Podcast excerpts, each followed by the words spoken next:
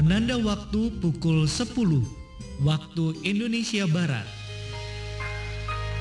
Engkau memberitahukan kepadaku jalan kehidupan. Di hadapanmu ada sukacita berlimpah-limpah, di tangan kananmu ada nikmat senantiasa.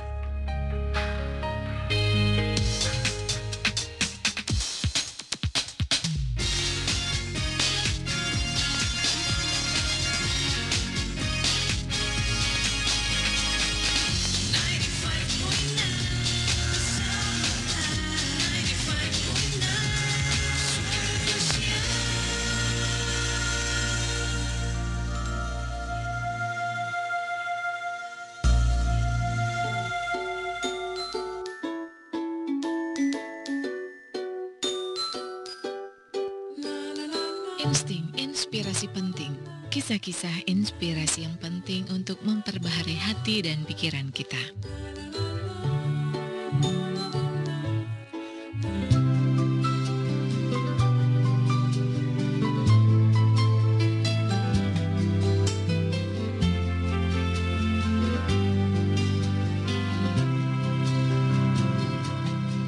Pada suatu hari, ada seorang pria berdiri dengan mata yang kosong di tepi sebuah jembatan, di mana di bawahnya mengalir sungai yang begitu deras.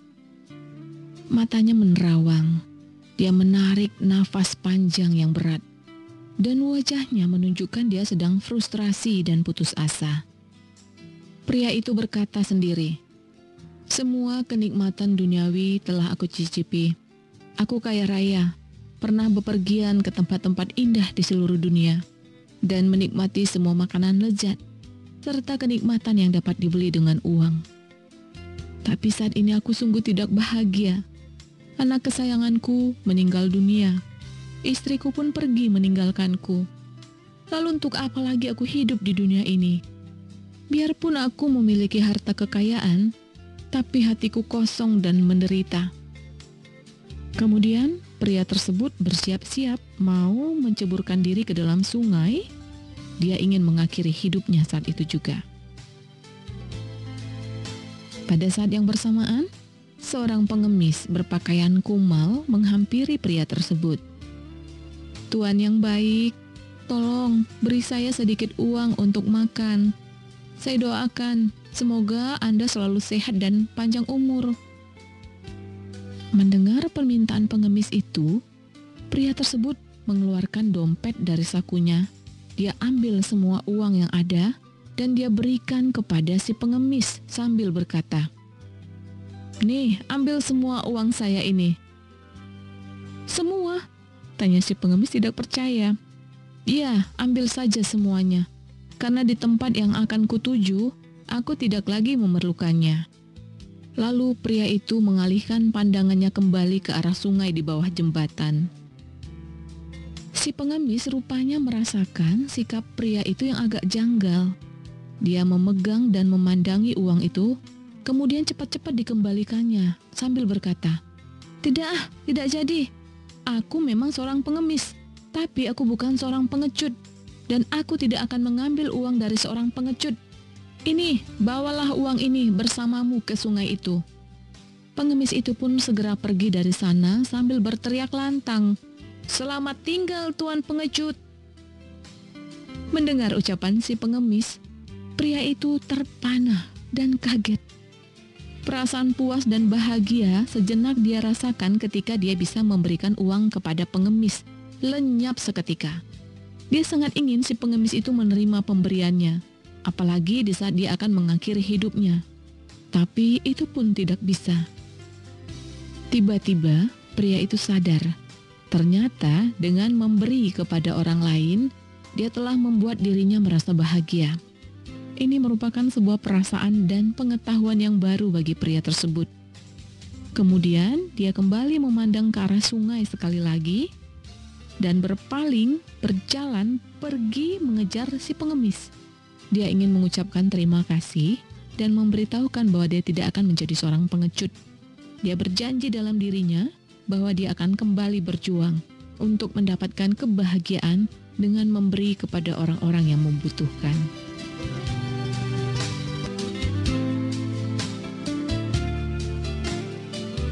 Masih di insting, inspirasi penting. Sahabat, begitu mengenaskan mendengar orang mengakhiri hidupnya dengan jalan pintas. Dan terasa lebih mengenaskan kalau kita mendengar orang bunuh diri hanya karena gara-gara sepele. Keberanian harus diletakkan dalam porsi yang benar. Selayaknya kayak mental yang tertanam adalah berani hidup, bukan berani mati. Hidup akan jauh lebih bermakna jika kita bisa memberikan arti dan berguna kepada orang lain. Saat menghadapi tantangan, mental kita akan semakin terlatih dan siap menghadapi dengan penuh keberanian. Untuk itu, mari kita jauhkan diri kita dari sikap berani mati secara pengecut, tetapi kita harus berani hidup dengan penuh pengharapan kepada Tuhan. Sahabat, Adakah di antara Anda yang merasa bahwa hidup Anda tidak ada artinya lagi? Apabila Anda mempunyai tanggapan atau pertanyaan mengenai hal ini, silakan SMS ke 0822 7498 7788 atau melalui email di cahayacintanegeri@gmail.com. Saya Eva Diana pamit dari ruang dengar Anda. Terima kasih untuk kebersamaannya. Sampai jumpa lagi di Insting Menarik lainnya.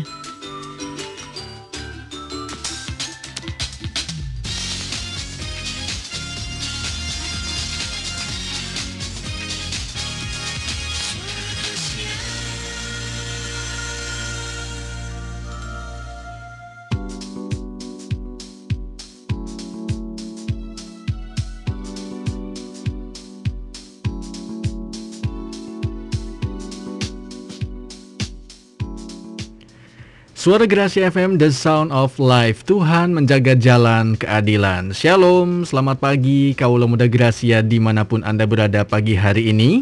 Suatu sukacita di pagi yang cukup cerah ini. Kaulah muda Gracia, saya Rinto bisa kembali menjumpai Anda di program Yang Enfresh. Edisi hari Sabtu tanggal 5 Februari 2022. Saya percaya hari ini kalian semua boleh mendapatkan sukacita, damai sejahtera, kekuatan dari Tuhan ya. Mungkin hari ini uh, kalian sedang menikmati hari libur karena buat yang sekolah hari ini uh, libur ya sekolahnya. Buat Anda juga para pekerja uh, muda yang hari ini sedang menikmati libur Anda dari kantor karena mungkin memang uh, kantor Anda hari ini libur. Selamat menikmati hari libur Anda. Saya percaya di sepanjang hari ini uh, Tuhan sudah menyiapkan begitu banyak berkat dalam kehidupan Anda untuk boleh kalian semua nikmati sepanjang hari ini. Dan pagi hari ini kita akan kembali diberkati lewat renungan firman Tuhan yang nanti akan disampaikan oleh Kak Gideon Alfred uh, saya percaya bahwa kita semua akan kembali dikuatkan, diisi dengan suatu pengetahuan akan kebenaran firman Tuhan supaya kita boleh kembali dicas ya, diberikan suatu kekuatan untuk menghadapi kehidupan ini teman-teman semua. Oke, dan saat ini kita langsung sapa saja Kak Gideon yang sudah terhubung lewat Zoom dan saya percaya beliau juga sudah menyiapkan materi yang terbaik untuk kalian semua, kamu lebih Gracia. Dan saya ucapkan selamat pagi Kak Gideon. Selamat pagi, Shalom. Shalom, apa kabar nih Kak Gideon? Di Tuhan luar biasa dahsyat. Yes, yes, yes. Yes, yes, yes. Tetap antusias, tetap semangat melayani Tuhan ya. Oke, okay, Kak Gideon, uh, kalau boleh tahu kita mau bahas tentang apa nih hari ini? Bulan Februari biasanya itu bulan cinta-cinta kan. Bulan cinta. Ini mendekati apa Valentine ya? Kalau nggak yeah. salah ya, tanggal 14 Imlek. itu biasanya ya. Imlek. Oh. Imlek, Imlek tahun baru ya kemarin udah lewat ya. Nanti yang biasanya apa dulu sama Korinto. Oh iya, Kyonghi Kyonghi ya. Kyonghi. Oke. Uh, Kak Gideon, uh, biasanya kan emang Februari anak-anak muda tuh uh, identiknya sudah stok coklat ya sama bunga mawar biasanya nih. Bunga bang. Kalau sekarang kayaknya udah nggak bunga mawar ini ya, nggak sekuntum bunga mawar lagi ya. Sekarang udah zamannya langsung uh, bunga bank, transfer aja rekening. Oke, okay, tentang cinta ya berarti ya kak ya hari ini ya.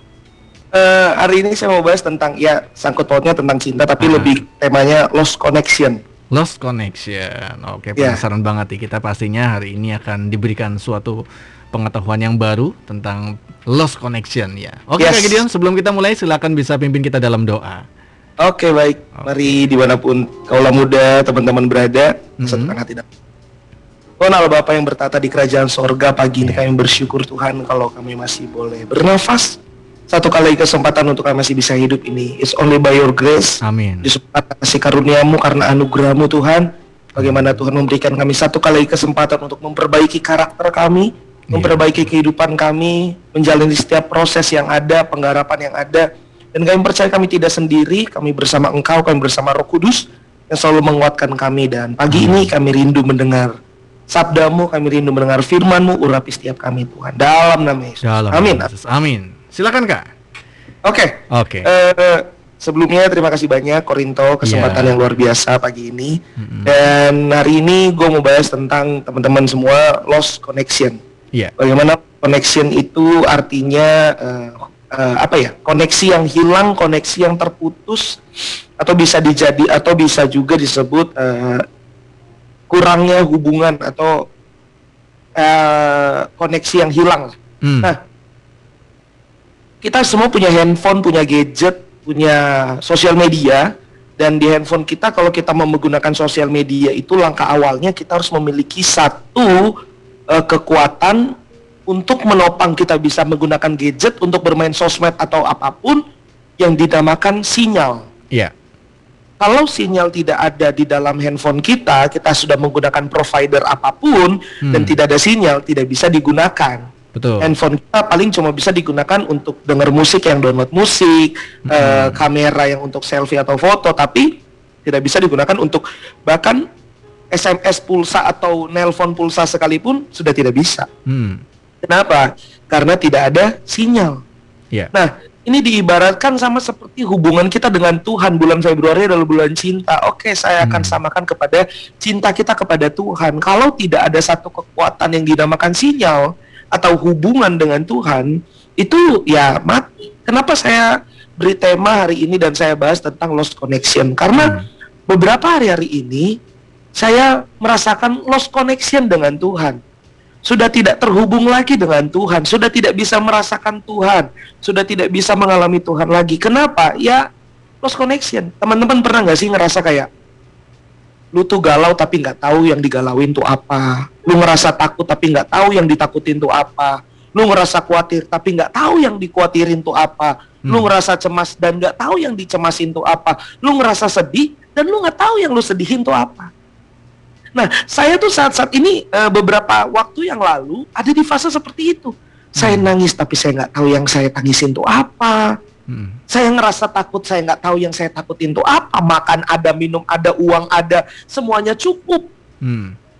Ya nggak berkekurangan lah, ada lah pokoknya. Ya 5000 juga walaupun di dompet uang kan. Hmm.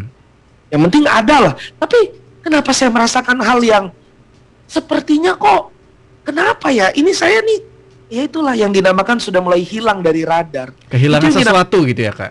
Iya kayak kehilangan sesuatu. Hmm. Itu yang dinamakan eh, saya eh, saya mendengar ada eh, hamba Tuhan s- sudah almarhum salah satu hamba Tuhan legend Hmm. eh, almarhum Bapak Pendeta Yakob Nahwai. Beliau mengatakan demikian. Banyak orang Kristen beriman tapi tidak bertuhan. Hmm. Nah, itu yang saya rasakan. Iya, saya punya iman nih, tapi saya seperti tidak bertuhan. Saya pastor, saya youth pastor, pemimpin. Oke, anak hamba Tuhan, STH, ntar lagi mau MTH tahun ini. Eh, kalau Tuhan izinkan nanti masuk doktor di mana. Tapi itu tidak menjamin untuk saya bertuhan dengan benar. Hmm. Saya beriman, oke, iman kepada Tuhan, tapi tidak bertuhan. Hmm. Nah, itu yang saya rasakan kenapa ini lost connection banyak dari kita. Oke, iman, oke, cinta, oke, ini. Tapi kita seperti tidak bertuhan. Tuhan kita hanya dijadikan alat sampingan. Ini yang saya rasakan hari-hari ini dan Tuhan bukakan banyak hal. Ya salah satu contohnya adalah bagaimana di salah satu khotbahnya beliau nggak sengaja saya klik YouTube eh, Bapak almarhum pendeta Yakob Nahwai mengatakan Ah, banyak orang Kristen beriman tapi tidak bertuhan dan bertuhan tapi tidak beriman juga. Hmm. Wah, saya bilang, oh, saya ada di posisi salah satu posisi itu, teman-teman. Makanya saya bisa simpulkan dari apa yang saya alami adalah kehilangan koneksi banyak membuat orang stres, gelisah dan seakan-akan dunia sudah berakhir. Hmm. Contoh, zaman sekarang manusia sudah tidak bisa terlepas yang dari namanya gadget. Ya. Jadi namanya sosial media. Saya pergi ke rumah makan, saya pergi ke resto, saya pergi ke kafe, sampai saya pelayanan ke rumah sakit pun banyak orang yang sudah terkontaminasi dengan yang namanya gadget. Hmm. Wah, saya lihat di ruang tunggu, di waiting room, bahkan lagi menunggu pasien, bahkan di dalam ruang dokter sekalipun, orang sibuk menggunakan gadget atau sosial media atau apa pun yang ada di dalamnya. Hmm. Nah, ketika gadgetnya sudah mulai lowbat atau mati, ketika gadgetnya sudah tidak ada sinyal, ketika gadgetnya paketnya sudah mulai habis, itu manusia akan mengalami yang namanya panik, panik dan Hmm. panik. Waduh, HP saya mati. Aduh, cari charger. Aduh, ini, aduh ini, aduh begini, aduh begitu. Iya. Kenapa? Gadget ini luar biasa. eh apanya? eh racunnya, kontaminasinya. Hmm. Dan perlu kita ketahui sebenarnya yang salah bukan gadgetnya Hmm. Tapi diri kitanya. Nah, kenapa kita lost connection dengan Tuhan? Karena banyak kontaminasi-kontaminasi dunia dalam hidup kita yang tidak mau kita hilangkan. Banyak kontaminasi-kontaminasi yang kita cari di luar Tuhan yang tidak mau kita lepas. Banyak ikatan-ikatan yang dari bukan daripada Tuhan yang ada dalam hidup kita dan itu harus kita lepaskan agar kita apa? Terkoneksi dengan Tuhan, sempurna. Hmm. Mengapa kita lost connection dengan Tuhan, teman-teman? Dan di sini saya menyimpulkan kondisi yang koneksinya eh, ter- terhilang, koneksinya hilang dari Tuhan, ini dinamakan relationship degradation, teman-teman. Apa itu artinya? Maksudnya adalah manusia tidak terkoneksi dengan Allah sebagai akibat dari penurunan relasi dan koneksinya. Dan relationship degradation ini teman-teman, ketika kita menyadari kita terputus koneksi dengan Tuhan, tapi malah kita cari koneksi yang bukan daripada Tuhan. Hmm. Artinya apa? Kita manusia lebih suka mencari kebahagiaan di luar Tuhan. Hmm. Dan kita tidak bisa merasakan true happiness dalam hidup kita anak muda. Makanya kenapa sekarang anak muda dikit-dikit healing. Dikit-dikit, aduh, kepentok dikit, langsung baper. Ini Hmm. dikit langsung baper. Ini gini langsung baper. Nanti aku mau healing dulu. Oke, saya tidak bermasalah dengan healing dan saya tidak bermusuhan dengan orang-orang yang healing. I'm proud dengan orang-orang yang healing. Kenapa? Karena dia mencoba untuk mengontrol dirinya. Tapi yang salah adalah caranya. Hmm. Banyak orang healing, lama-lama hilang. Hmm. Saya mencoba healing, teman-teman. Saya mencoba healing yang di luar daripada Tuhan. A, B, C, D, E, F, G. Tapi tidak ada dampak yang untuk damai sejahtera, sukacita, kebaikan itu tidak ada dalam hidup saya. Karena healing yang di luar daripada Tuhan sifatnya sementara. Hmm. But if you heal in His presence ketika kamu mencoba healing di dalam hadirat Tuhan, itu sifatnya everlasting atau abadi. Hmm. Sekarang pilihan ada di tangan kita. Kita mau pilih yang mana nih? Ketika kita sadar kita sudah mulai lost connection dengan Tuhan, kita mau pilih yang mana? Hmm. Nah, teman-teman, saya mau kasih satu ayat dari kita eh, dari tadi kita belum buka ayat. Ada satu ada satu tokoh Alkitab yang sangat luar biasa, teman-teman.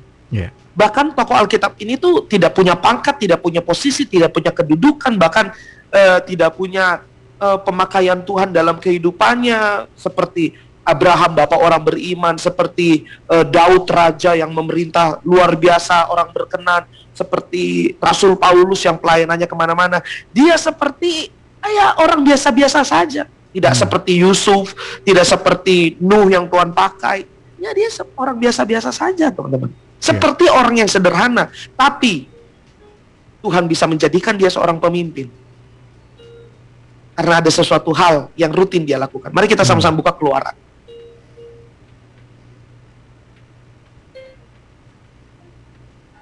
Keluaran 33 ayat yang ke-11. Saya bacakan buat teman-teman semua di rumah. Keluaran 33 ayat yang ke-11. Demikian firman Tuhan. Dan Tuhan berbicara kepada Musa dengan berhadapan muka. Seperti seorang berbicara kepada temannya. Kemudian kembalilah ia ke perkemahan. Tetapi abdinya Yosua bin Nun, seorang yang masih muda itu tidaklah meninggalkan kemah itu. Kenapa saya bilang luar biasa teman-teman? Jadi pada waktu Musa lagi berdoa, ini kan berhadapan muka dengan Tuhan nih Hmm. berbicara seperti seorang teman. Ini luar biasa Musa teman-teman. Tapi ada yang ada yang ada yang ada yang aneh dari kisah ini. Pada waktu Musa eh, selesai berdoa, ia kembali ke perkemahan.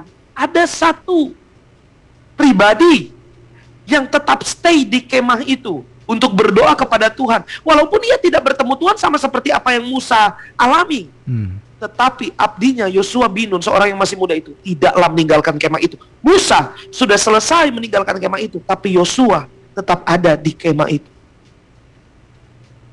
Tuhan tidak berbicara eh, Yosua juga bertemu dengan Tuhan seperti Musa, enggak. Tapi yang luar biasa harus adalah Musa. Tapi saya mencoba menggali ayat firman ini, teman-teman. Yang luar biasa adalah Yosua. Ketika Musa sudah selesai, Yosua tidak selesai. Hmm. Dia tetap berdoa. Artinya apa? Teman-teman, kenapa saya bilang dia adalah pribadi yang sederhana? Ini dikatakan tetapi abdinya. Abdinya itu bahasa halus. Bahasa kasarnya itu budak. Yosua itu budaknya Musa, pembantunya Musa, Hmm. suruhannya Musa. Jadi eh, ya pembantunya Musa lah. Kacung, kacung. Yos- Kacung, kacung. Nah, iya kacung. Kacung bola. kacung. Hmm. Kacungnya Musa, teman-teman. Hmm. Tapi dia tidak memposisikan dirinya sebagai kacung loh. Dia tidak memposisikan dirinya, ah walaupun saya kacung, saya biasa-biasa aja lah. Enggak. Dia memposisikan dirinya. Musa bertemu dengan Tuhan, dia pun harus bertemu dengan Tuhan. Ini hal yang luar biasa. Ini bahasa aslinya adalah syaka. Yang artinya di mana ketika Musa berdoa, Yosua ikut berdoa, bukan karena Yosua melihat Musa sebagai pemimpinnya, tapi Yosua melihat Musa bertemu dengan Tuhan. Kalau Yosua hanya melihat Musa sebagai pemimpinnya, ya udah cuma ikut-ikutan, doa ya ikut, Musa selesai, Yosua selesai. Hmm. Tapi di sini Yosua tidak selesai, teman-teman. Dia tetap setia di kemahnya itu. Bahkan apa? Ya firman Tuhan kok yang menulis. Kalau firman Tuhan menuliskan berarti Tuhan melihat. Hmm. Tetapi abdinya Yosua bin Nun seorang yang masih muda tidaklah meninggalkan kemah itu. Nah, kita masih muda kita ngapain? Hmm. Kita masih muda kita ngapain, teman-teman? Kita masih muda ngelawan orang tua. Kita masih muda merugikan orang tua, merugikan keluarga. Gak usah bahas orang lain dulu deh. Kita bahas orang yang ada di dalam. Hmm. Apa yang kita lakukan? Kita berpacaran, kita berpasangan, kita berteman. Oke, fine. It's okay, no problem. Tapi apa yang kita lakukan untuk Tuhan hari-hari ini, teman-teman? Hmm. Teman-teman jangan kenapa banyak orang Kristen kecewa, kenapa banyak anak muda kecewa karena hidupnya dari luar ke dalam bukan dari dalam keluar. Makanya nggak suka berdoa, nggak suka baca firman. Ketika udah kejedot, ketika udah kepentok, baru cari Tuhan sungguh-sungguh. Nanti ketika Tuhan udah pulihkan, Tuhan udah sembuhkan, baru keluar lagi. Makanya kekristenan itu bukan berbicara tentang mujizat. Hmm. Kekristenan bukannya sekedar berbicara buta melihat, tuli mendengar, bisu berbicara, tapi kekristenan berbicara tentang hubungan. Relationship, makanya kenapa saya balas lost connection. Mungkin ada teman-teman dan saya sekarang lost connection. Ayo kita up agar kita terkoneksi dengan Tuhan. Yang Tuhan mau karakter kita diubahkan, teman-teman. Makanya kenapa ada proses. Kenapa ada masalah. Kenapa sekarang kamu ngalamin hidupmu nggak enak. Tuhan izinkan itu terjadi agar karakter kita diubahkan. Tapi kan nggak ada orang yang sempurna, Kak. Nggak ada orang yang sempurna tuh nggak ada. Iya, nggak ada memang orang yang sempurna. Hmm. Dan sekali lagi, Tuhan tidak mencari orang yang sempurna, tapi Tuhan mencari orang yang mau disempurnakan. Tuhan nggak mencari orang yang sempurna, tapi Tuhan mencari orang yang mau disempurnakan. Masuk dalam penggarapannya Tuhan, masuk dalam prosesnya Tuhan. Bagaimana karakternya semakin diubahkan. Karena keselamatan itu bukan berbicara bagaimana kamu dapat duit, dapat berkat banyak. Hmm. Tapi keselamatan yang sejati bagaimana kita dikembalikan kepada rancangan yang semula. Yaitu menjadi sempurna serupa seperti dengan Tuhan. Nah teman-teman kalau ada proses masalah hari-hari ini terjadi dalam kehidupan kita, bisa nggak kita seperti Yosua yang tersungkur, walaupun Musa udah selesai tapi kita tetap sujud menyembah Tuhan. Kamu datang ke gereja bukan jadi rutinitas atau formalitas, tapi itu biar menjadi kerinduan dalam kehidupan kita. Teman-teman bisa nggak kamu, ah, mungkin kamu orang tuamu broken, mungkin orang tuamu eh, berantakan, mungkin keluargamu juga hancur, tapi bisa nggak kamu tetap berkata Tuhan, apa pun yang terjadi dalam hidupku, aku mau tetap cinta Tuhan, aku mau tetap menyembah Tuhan. Tapi seberapa banyak anak muda yang memiliki sikap seperti itu? Hmm. Teman-teman saya mau kasih satu hal, kalau kamu mau melihat perkara Tuhan yang ajaib, kamu harus mengalami apa yang Tuhan izinkan dalam hidupmu. Kenapa Abraham disebut bapak orang beriman? Karena dia melewati ujian iman. Bagaimana dia nggak punya anak selama berapa tahun? Pada waktu dapat anak Ishak disuruh dipersembahkan di Gunung Moria. Hmm. Dia mengalami ujian-ujian iman dalam hidupnya. Mengapa dia disebut bapak orang beriman? Bukan karena, oh Abraham, tek, langsung dicap Bapak orang beriman. The father of faith. Tidak teman-teman. Dia harus mengalami proses pengharapan yang terjadi dalam kehidupannya. Hmm. Mengapa dia sebut Bapak orang beriman? Karena dia harus mengalami ujian iman dalam hidupnya. Nah itu yang harus kita alami dalam kehidupan kita teman-teman. Mungkin nggak enak, mungkin sakit hati. Ya tapi itu yang harus kita alami. Contoh siapa lagi? Ayub. Ini pada waktu-waktu waktu yang lalu saya merasa hilang dari radarnya Tuhan. Saya mendapat hal ini teman-teman. Contoh siapa Ayub? Apa masalah proses yang uh, Ayub jalani itu tiba-tiba? Enggak, itu Tuhan izinkan. Iblis datang ke Tuhan. Tuhan, aku menemukan orang tersaleh di dunia ini. Apakah aku boleh menguji? Tuhan bilang apa? Boleh, tapi jangan apa? Jangan ambil nyawanya. Itu Tuhan izinkan, teman-teman. Hmm. Proses masalah yang terjadi dalam Ayub itu Tuhan izinkan. Kalau mungkin sekarang kamu ngalamin proses dan masalah, mungkin itu Tuhan izinkan. Tapi dengar baik, proses masalah itu terjadi karena dua hal. Pertama, memang Tuhan izinkan agar hmm. membentuk kedewasaan kita. Yang kedua, memang kita yang cari masalah. Hmm. Nah, itu perlu kita tahu tuh. Jangan kita yang cari masalah, misalkan kita suka ngerokok terus kena hmm. bronkitis, oh ini dari Tuhan. Enggak, jaka sembuh mau golok. Hmm oh ini dari Tuhan aku kena bronkitis pak pendeta tolong doain dong enggak karena lu ngerokok mm -hmm. Karena kamu kena asam lambung kamu naik GERD kamu naik atau misalkan lambung kamu luka atau usus kamu segala macam hingga kamu muntah-muntah terus atau kondisimu drop karena apa karena kamu suka pergi mabok minum minuman alkohol terus kamu bilang oh ini dari Tuhan Tuhan sayang sama aku jangan ngomong kayak gitu mm. itu memang kamu yang cari masalah jadi proses atau masalah itu terjadi karena dua hal. Pertama hmm. memang Tuhan izinkan, kedua ya karena kita yang cari masalah. Hmm. Tapi perlu kita ketahui proses masalah yang Tuhan izinkan dalam hidup kita. Sama seperti apa yang Ayub alami. Tuhan, aduh, Ayub ngeluh nggak? Ngeluh, manusiawi. Ayub berproses gak berproses. Ayub telanjang, hartanya dihabiskan, anak-anaknya mati, istrinya pergi, teman-temannya pergi. Sampai temannya bilang, Ayub, udah, udahlah, hujatlah Tuhanmu itu. Ayub bilang, enggak. Tapi dalam hatinya Ayub tuh marah sama Tuhan. Ada ungkapan marahnya Ayub. Hmm. Tapi di kitab Ayub terakhir, Ayub menyadari apa?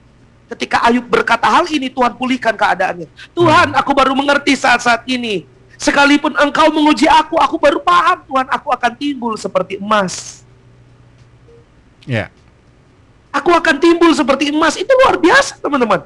Nah, dari situlah iman Ayub bangkit, ketuhanan dari hidup Ayub bangkit, dan situ memulihkan keadaannya. Seringkali Tuhan menguji kita untuk menantang iman kita agar kita lebih ekstrim lagi mengikut Tuhan. Hmm. Karena Tuhan menciptakan kita nggak gini-gini aja. Tapi ada rancangan, ada damai sejahtera, ada masa depan yang luar biasa yang Tuhan harap, yang Tuhan sediakan buat hidup kita. Amin. Maka dari itu pagi ini siakahlah dengan Tuhan. Siakah itu apa? Intim. Hmm. Intimlah dengan Tuhan. Intim itu berbicara apa? Bukan, oh saya mau doa puasa, kusyuk. Menjadi orang yang paling holiness. Bukan. Tapi intim itu berbicara Tuhan Mau ada makan, nggak ada makan. Mau proses ini makin berlanjut dalam hidupku, aku mau tetap cinta engkau Tuhan. Itu intim. Hmm. Itu berbicara keintiman teman-teman. Rasul Paulus. Rasul Paulus waktu ada duri dalam daging, dia pikir apa? Utusan iblis. Ini kayaknya utusan iblis. Dia tengking tiga kali. Oh, cabut duri dalam daging, cabut duri dalam daging. Dalam nama Yesus. Eh, Tuhan bilang apa? Hei, ini aku izinkan terjadi dalam hidupmu. Kenapa? Biar dalam kelemahanmu lah kuasaku nyata sempurna. Mungkin kamu lagi lemah hari-hari ini. Mungkin imanmu lagi goyah hari-hari ini. Cari Tuhan. Kenapa? Dalam kelemahanmu lah kuasa Tuhan nyata sempurna. Saya diizinkan terjadi lost koneksi dengan Tuhan beberapa waktu lalu. Itu Tuhan nyatakan dalam diri saya. Agar kuasaku, kuasa Tuhan nyata sempurna dalam hidupku. Itu kadang-kadang Tuhan izinkan terjadi teman-teman. Untuk membentuk kehidupan kita. Mungkin kamu lagi ngalamin proses, itu Tuhan izinkan. Agar apa? Kuasa Tuhan nyata dalam hidupmu. Mungkin sekarang kamu lost connection. Jangan hidup dalam lost connection. Ayo bangkit. Itu artinya apa? Tuhan sayang kamu. Agar kuasa Tuhan nyata sempurna. Hmm. Pada waktu saya coba menenangkan diri saya, teman-teman. Pada waktu lost connection kemarin. Tiba-tiba Tuhan kasih satu hal.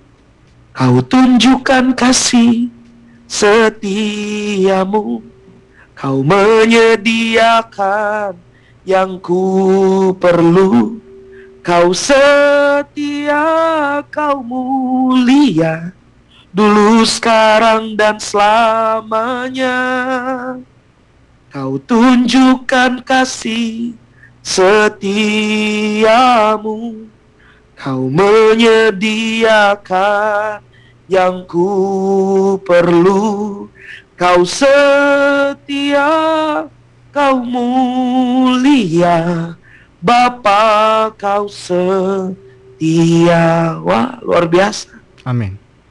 Saya coba itu terus bangun dalam diri saya. Dan benar, proses masalah yang Tuhan izinkan terjadi dalam hidup kita, itu mendewasakan kehidupan kita, teman. Hmm. Dan Tuhan untuk memulihkan keadaan hidup kita. Teman-teman, aduh kak, aduh Korinto, aduh kak Gideon, tapi dosaku udah segede gunung. Tapi kesalahanku udah sebesar ombak di lautan samudera Pasifik sana.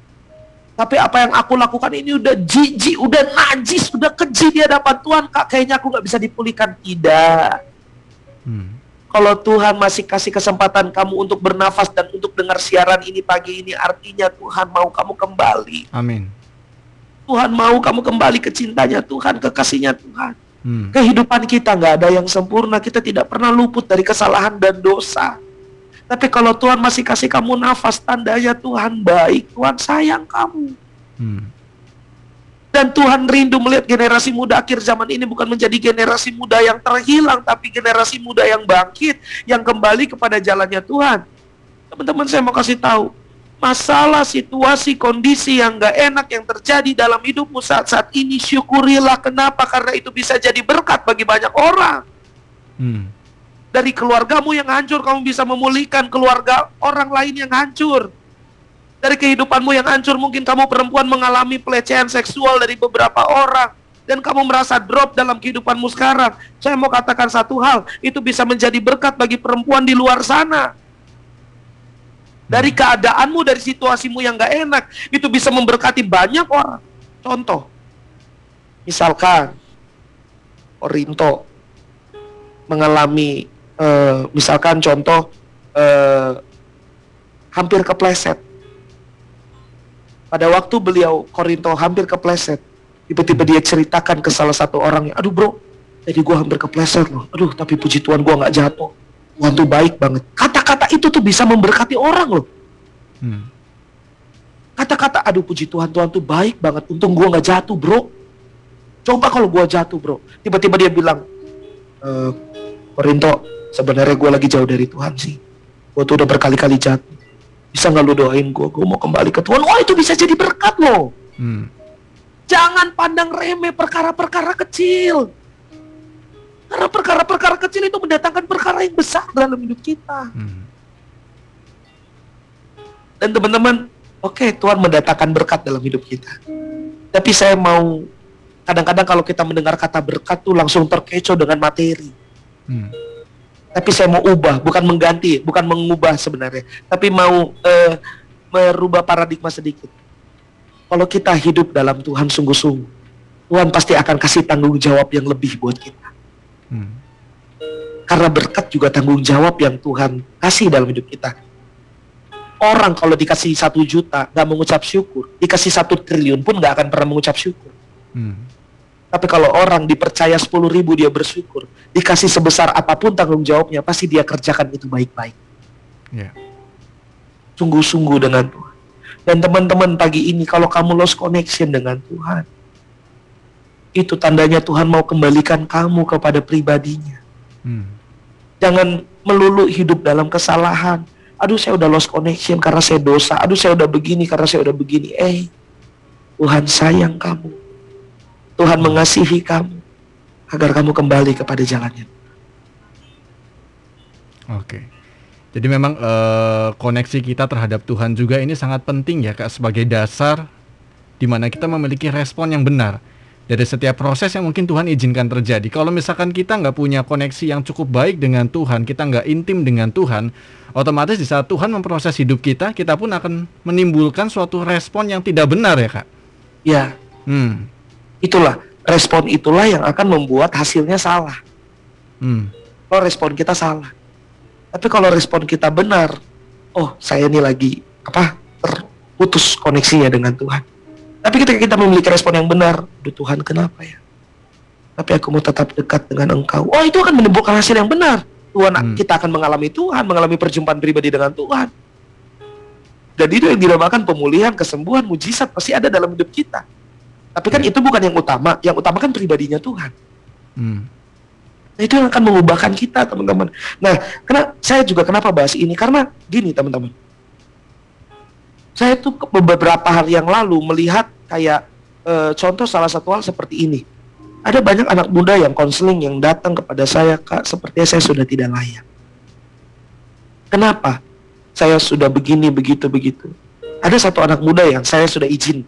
Kamu, saya boleh nggak kalau saya sharing, tapi saya tidak perlu sebut namamu. Boleh, Hmm. Kak, saya sudah melakukan dosa terbesar. Apa sih narkoba? Bukan. Apa seks bebas? Bukan. Apa? Saya sudah berkali-kali menyakiti hati ibu saya. Hmm. Hah? Kenapa? Iya kak. Saya main tangan dengan ibu saya. Hmm. Tahu nggak? Umurnya itu 30 tahun ke atas tapi manggil saya kakak. Saya kan merasa tua ya. Saya itu masih 23-an, saudara. Tapi saya itu merasa tua. Tolong kak, tolong saya kak, tolong gimana? Ibu kamu di mana? Ibu saya sudah meninggal. Hmm. Kenapa? Karena sakit. Hmm. Tapi saya tahu itu pasti karena dia memikirkan saya. Hmm. Dan dia punya salah satu video dan kenapa dia bisa dipulihkan. Dan puji Tuhan waktu ibunya meninggal dia urus teman-teman. Jadi dia bertobat sebenarnya. Tapi dia masih ada rasa hati yang nggak layak gitu loh. Penyesalan juga mungkin ya kak. Penyesalan, iya. Dia punya satu klip video dia tunjukkan. Teman-teman, pada waktu itu ribut besar. Dia minta uang tidak dikasih untuk membeli motor. Wah, dia pukul ibunya. Hmm. Sampai dia banting kamar, dia masuk kamar. Tapi kok seperti suasana hening kayak tidak ada tangisan. Tiba-tiba dia mencoba masuk perlahan ke kamar ibunya. Dia video, dia kasih tunjuk saya. Ibunya lagi berlutut Hmm. dan berdoa. Bilang begini teman-teman. Tuhan, jangan salahkan anakku. Tapi aku yang salah tidak bisa mendidik titipanmu Tuhan. Waduh, Hmm. gila. Saya yang ngelihat video itu merinding, gemetar teman-teman. Makanya lu semua yang denger ini jangan macam-macam sama ibu lu. Hmm. Wah ibu kalian tuh luar biasa loh. Ya. Wah, wah saya mau nangis rasanya. Saya juga pernah salah sama ibu saya. Dia bilang kayak, Tuhan kalau boleh jangan hukum anakku Tuhan. Walaupun tadi dia tampar aku, dia sakiti aku. Hmm. Tapi salahkan aku karena aku yang tidak berhasil mendidik titipanmu. Waduh, gila itu hatinya terbuat dari apa ya? Hmm. Wah, saya bilang Tuhan, saya nangis lihat video itu menetes air mata. Wow, gila. Uh, saya kayak uh merinding saya cerita ini teman-teman. Hmm. Dan dia langsung dan ibunya nangis bersujud Tuhan, ampuni anakku Tuhan, ampuni aku juga Tuhan, aku yang salah, aku yang salah Tuhan, aku tidak bisa mendidik dia. Aku minta ampun Tuhan, tolong Tuhan. Di- ibunya tuh menyalahkan dirinya, bukan menyalahkan anaknya. Hmm. Tidak seperti eh, kisah yang lain gitu. Hmm. Bukan, tapi yang yang ya wah Tuhan, Tuhan. Gila saya terharu loh. Hmm. Seorang ibu yang hatinya luar biasa makanya saya bilang anak muda di luar mana pun kamu berada jangan kurang ajar sama orang tuamu. Ya. Kalau kamu masih punya orang tua, bersyukur. Hmm. Jangan cuma minta-minta kalau kamu udah 20 tahun ke atas, kalau kamu sudah kerja. Kalau kamu memang dewasa ya, beri yang terbaik buat buat orang tuamu. Hmm. Buat orang tuamu, beri yang terbaik. Dan saya katakan itu, wah. Uh, gila itu luar biasa pengorbanan seorang ibu itu Korinto. Ya. Nah, saya langsung bilang, saya tuh kayak mau menghakimi dia ya. Tapi, Hmm. loh, siapa saya? Ibunya aja nggak menghakimi dia, masa saya mau menghakimi dia? Betul. Saat itu pada waktu video itu di diputar, saya langsung peluk dia. Hmm. Saya peluk dia, saya bilang, bro, Tuhan sudah mengampuni kamu. Karena ibu kamu yang luar biasa ini. Hmm. Waduh, dia langsung nangis, kak, tolong bimbing saya, tolong pimpin. Saya masih ada rasa penyesalan. Ketika ibu saya meninggal, saya baru bisa berbakti kepada dia di hari-hari terakhir. Cuma tiga hari. Hmm. Cuma tiga hari, teman-teman. Wah, pengorbanan seorang ibu tuh luar biasa. Sangat amat luar biasa. Dan saya melihat pengorbanan seorang ibu-ibu di luar sana juga yang sudah mengakhiri kehidupannya bagaimana dia menjadi single fighter, Hmm. single mom yang dia harus berusaha untuk keluarga, untuk anaknya. Waduh, saya tersentuh. Ya salah satu contoh ya saya sebenarnya mau menangis kalau men- terus mendengarkan apa mengingat-ingat ini. Saya sudah menganggap seperti tante saya sendiri juga. Cici dari Korinto. Hmm. Wah dan luar biasa teman-teman. Dan itu yang membuat dia terputus koneksinya dengan Tuhan. Itu yang membuat, wah saya bilang ayo ayo ayo comeback. Saya tidak mengajak dia ke kuburan ibunya ya, karena saya tidak mau mendramatisir keadaan. Hmm. Tapi saya mencoba bawa dia datang ke gereja dan kita berdoa bersama-sama. Pada waktu itu saya bawa dia ke bukit doa di sebenarnya tidak ada bukit doa Kristen ya pada Hmm. waktu itu. Saya bawa dia ke gunung apa bukit doa Bunda Maria. Hmm. Eh coba yuk kita berdoa yuk. Eh dia berdoa. Dan kita berdoa dan dia bilang, aduh Tuhan. Dia teriak, Tuhan minta maaf Tuhan. Dan dia bertobat. Hmm. Tapi saya bilang, bro, biar pertobatan kamu bukan cuma sampai di sini, tapi harus kamu jalani dalam hidup. Siap. Hmm. Dan saat ini kehidupannya luar biasa, teman-teman. Dia mendapat pekerjaan yang layak. Walaupun dia sekarang hidup sendiri, ayahnya nggak tahu ke mana, udah pergi sama perempuan lain. Hmm. Tapi dia mendapat, wah, teman-teman, apa kesimpulannya? Ketika kamu mulai lost connection dengan Tuhan, kamu akan menjadi brutal. Hmm. Sama seperti saya dan teman saya ini. Tapi pada waktu kamu menyadari kamu sudah mulai hilang daripada Tuhan dan kamu mulai terhubung, Tuhan akan ke Tuhan akan angkat kehidupanmu. Jadi Tuhan itu bukan Tuhan yang jahat, Dia adalah Bapa yang baik. Hmm. Tapi bukan bukan kebaikannya saja, tapi Dia baik juga untuk mendidik dan menegur. Karena firman Tuhan berkata, terdapat di mana seorang Bapa yang baik yang tidak mendidik dan menegur menghajar anaknya. Hmm. Jadi itu adalah kehidupan yang luar biasa. Jadi ketika teman saya ini dan saya, saya juga belajar dari teman saya. Bukan semata-mata, wah teman saya, enggak. Ketika kami berdua memiliki respon yang benar di hadapan Tuhan, hasilnya pun pasti akan benar. Hmm. Seperti itu. Oke. Dari kesaksian ibu tadi ya kak, saya cukup eh, tertarik dengan respon yang dia berikan dari situasi yang proses Tuhan izinkan terjadi ya. Ini membuktikan bahwa dia, kita yakin bahwa dia memiliki suatu koneksi yang baik dengan Tuhan. Dia intim Oh. dengan Tuhan. Sehingga di saat Tuhan izinkan itu terjadi dalam kehidupannya, dia memiliki respon yang benar. Dan ini juga menjadi suatu pelajaran buat kita semua. Kalau misalkan kita sama seperti ibu tadi, punya punya koneksi yang baik dengan Tuhan, otomatis kita akan menghasilkan buah yang baik juga. Di saat ada orang mungkin menyakiti kita, di saat ada orang mengecewakan kita, kita memberikan suatu respon yang baik. Kita mengampuni, bukannya menghakimi, bukannya memusuhi ya kayak. Ini menjadi suatu teladan juga, contoh real yang bisa kita teladani. Suatu bukti juga, bukti buah dari koneksi yang baik dengan Tuhan, keintiman dengan Tuhan. Ini menghasilkan suatu buah yang baik dalam kehidupan kita ya kak. Oke. Iya, betul. Iya. Karena ya itu tadi, eh, kita nanti gereja-gereja sudah mulai bulan Februari. Mm. Apalagi gereja saya juga, anak youth juga, SIC juga, wah, udah mulai bikin nih 14 Februari. Mm-mm. cinta, everlasting love, un- Hmm. unending love. Waduh, Hmm. love is never fail. Mm-mm. Love with God, God is love. Mulai kan tema-tema Valentine.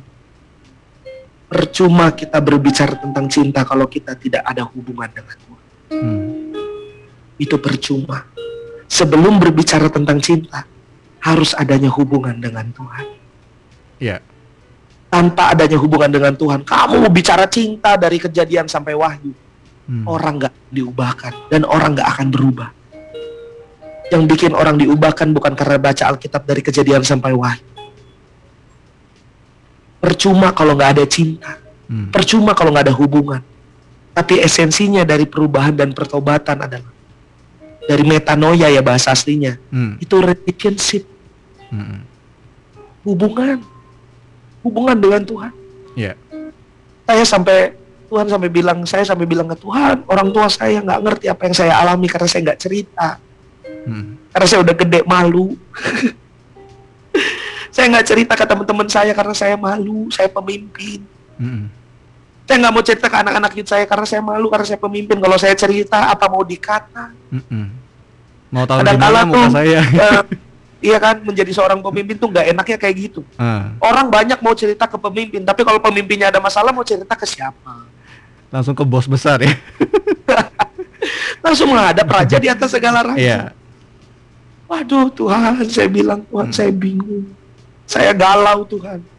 Tapi ajaibnya Tuhan ketika saya dapat hal begini. Ketika air matamu sudah tidak mampu untuk menetes. Hmm. Ketika mulutmu sudah sulit untuk berbicara, mengucapkan syukur. Ketika tanganmu sudah sulit untuk terakat kepada Tuhan. Tapi dengar baik, masih ada lutut yang sanggup untuk berlutut berserah di hadapan Tuhan. Ya. Wah itu saya langsung Tuhan, Tuhan saya berterima kasih banyak sama Tuhan. Saya mengucapkan syukur saya di hadapan Tuhan. Ya. Dan muncullah lagu tadi kau tunjukkan kasih setiamu. Kau menyediakan yang ku perlu itu bukan cuma berbicara keperluan materi. Hmm. Tapi keperluan dan kebutuhan kita itu ya Tuhan Yesus. Hmm. Nah sekarang pertanyaannya. Apakah engkau orang beriman Hmm. dan engkau orang bertuhan? Apakah engkau orang bertuhan dan engkau orang beriman? Hmm. Jangan sampai kebalik. Karena kedua hal itu adalah saudara kembar yang akan terus membangkitkan hubungan kita di hadapan Tuhan. Amin. Jangan kita beriman tapi tidak bertuhan. Jangan kita bertuhan juga tapi tidak beriman. Tapi kalau kita beriman, marilah bertuhan dengan benar. Kalau kita bertuhan pun, marilah kita beriman dengan benar. Karena itu akan menghasilkan hasil yang luar biasa dan koneksi yang luar biasa. Sinyalnya udah bukan 5G lagi, Hmm. tapi udah hundred hundred ratusan G lah pokoknya lah untuk Ya. kita terkoneksi dengan Tuhan. Kita nggak perlu ngomong apa Tuhan sudah sediakan. Hmm. Kita nggak perlu eh, curhat apa Tuhan sudah tahu. Tuhan Hmm. pasti berikan kita penghiburan, damai sejahtera. Ketika kita lagi dalam lembah kemasalahan, Tuhan sudah tahu anak ini butuh penghiburan, sukacita daripada Tuhan. Tuhan Hmm. sudah tahu yang perlu kita lakukan bagaimana kita memberi yang terbaik buat Tuhan. Amin. Luar biasa Kak Gideon, terima kasih banyak pagi hari ini. Suatu renungan firman Tuhan yang sangat memberkati. Saya pribadi pun sangat diberkati. Dan saya percaya Kaula Muda Gracia juga pagi hari ini yang mendengarkan semuanya tersadarkan ya. Bahwa memiliki koneksi yang intim dengan Tuhan itu adalah yang nomor satu. Kak Gideon, waktu tidak terasa sudah harus terus bergulir ya. Iya, Ini kalau kita mau ngobrol panjang lebar sebenarnya bisa ya. Kita bahas terus kita gali terus ya. Tapi Makanya- next time ya. Kita nanti bilang abang dulu. yang enforce-nya 3 jam. Untuk saat ini kita simpan dulu Eh, buat teman-teman juga yang masih penasaran ya kan kita akan eh, dengarkan kembali pemaparan-pemaparan yang luar biasa ke depannya. Kak Gideon akan eh, terus membagikan renungan firman Tuhan yang pastinya akan memberikan kekuatan buat kalian semua. Kak Gideon boleh eh, berdoa buat kita semua supaya teman-teman Kawula Muda Gracia juga boleh mendapatkan kemampuan ya dimampukan oleh Tuhan supaya mereka bisa intim dengan Tuhan. Oke. mari kita satukan hati dalam doa. Iya. Tuhan terima kasih bahwa terus kami terkoneksi denganmu Tuhan. Amin. Kalau saat-saat ini kami mulai lost connection, kami berdoa Tuhan kami mau terkoneksi kembali dengan cintamu Tuhan, dengan kasihmu Tuhan, dengan pribadimu Tuhan. Tuhan urapi Kaulah Muda Gracia, keluarga besar Radio Suara Gracia di mana pun berada, biar cinta kasih Tuhan terus mengalir Amin. di mana pun Bapak Ibu Saudara berada. Biar cinta Tuhan, urapan alaminya yang baru terus mengalir buat kehidupan kami, buat keluarga kami, buat sanak family kami Tuhan. Tuhan kami juga berdoa buat Radio Suara Gracia, buat pembina, pemimpin, staff kru yang ada, para penyiar semuanya diurapi Tuhan, diberkati Tuhan, menjadi Amin. satu unity yang luar biasa Tuhan. Biar Radio Gracia terus mengudara Yes. dari Yudea sampai ke Samaria bahkan sampai seluruh ujung bumi Tuhan. Ya. Tuhan pakai Radio Gracia lebih dahsyat lagi minyak urapan anggur yang baru terus mengalir buat Radio. Suara Gracia Tuhan. Terima kasih Bapak, terima kasih Tuhan. Tuhan terus urapi eh, program yang Enfresh dan program-program yang lain Tuhan. Urapi Bapak, Tuhan berkati Tuhan. Terima kasih Bapak, terima kasih Tuhan. Kalau di program yang Enfresh ini ada Kak Stevi, ada Kak Indra, Tuhan terus urapi eh, para pembicara, para host yang ada Tuhan Iya. dengan urapan Allah, dengan kasih Allah, dengan hikmat Allah yang luar biasa terus mengalir dalam hidup kami. Terima kasih Tuhan, terima kasih Bapak. Kami sambut cintamu, kasihmu dalam hidup kami. Kami mau terkoneksi dengan Engkau kembali Tuhan. Dalam nama Yesus. Dalam nama Yesus. Amin. Amin. Kak Gideon mungkin bisa informasikan untuk ibadah youth dari Gereja Betani Pleasure of God. Oke, Heeh. teman-teman, eh, ibadah Youth Bethany Pleasure of God. Sekarang Youth kami sudah punya nama, namanya Unlimited Youth Community, teman-teman. Unlimited bisa- Youth Community. ya bisa disingkat UIC itu Oke. part of Bethany Pleasure of God jadi ibadah kami baru mulai eh, dari awal Januari belum baru mulai eh, di bulan 2022 ini hari Sabtu ini jam 5 sore Jadi kami baru grand opening dengan Hmm. nama yang baru, dengan suasana yang baru. Hmm. Dan saya mau mengajak teman-teman yang belum berkomunitas di Kota Cirebon boleh datang bergabung bersama kami. Kami welcome banget, kami rindu banget eh, teman-teman boleh bergabung bersama dengan kami. Hari Sabtu ini, hari ini jam 5 sore kita eh, berdoa bareng, kita nyembah Tuhan bareng, kita memuji bareng, kita sharing bareng, kita makan-makan bareng teman-teman, kita snack bareng, kita sama-sama saling menguatkan bareng teman-teman. Hari ini jam 5 saya tunggu teman-teman. Oke. Siap. Ya. Kak Gideon terima kasih banyak buat pagi hari ini. Terima kasih buat waktunya. Eh, semangat terus dalam pelayanan Tuhan. Saya percaya Tuhan akan pakai Kak Gideon lebih luar biasa lagi untuk menjangkau banyak jiwa. Oke, Amin. sampai ketemu di pertemuan selanjutnya Kak Gideon. Bye-bye. Tuhan memberkati selalu. Sehat selalu. Shalom. Oke. Oke, kamu Muda Gracia. Demikianlah program yang Enfresh edisi hari Sabtu tanggal 5 Februari 2022 ini. Saya percaya kalian semua boleh mendapatkan berkat baru pagi hari ini dan terus ikuti setiap program-program yang dihadirkan Radio Suara Gerasi FM selama 24 jam ke ruang dengar Anda. Saya percaya akan selalu ada berkat Tuhan yang terbaik yang akan Anda nikmati di sepanjang hari ini.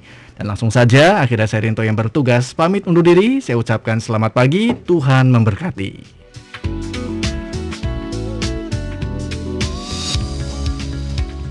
Buku Kristen Maranatha Cirebon menyediakan berbagai kebutuhan rohani seperti buku bacaan Kristen, Alkitab, renungan harian, CD atau DVD lagu pujian dan khotbah, serta berbagai pernak-pernik rohani.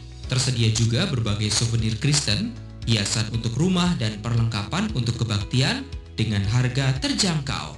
Toko buku Kristen Maranatha di Jalan Pengampon nomor 9 Cirebon atau samping Gereja Katolik Santo Yosef. Buka hari Senin sampai Sabtu pukul 8 sampai 16.30. Untuk sementara hari Minggu tutup. Telepon 0231 20 10 86. Toko buku Kristen Maranatha melengkapi dan membangun iman dengan sumber berkualitas.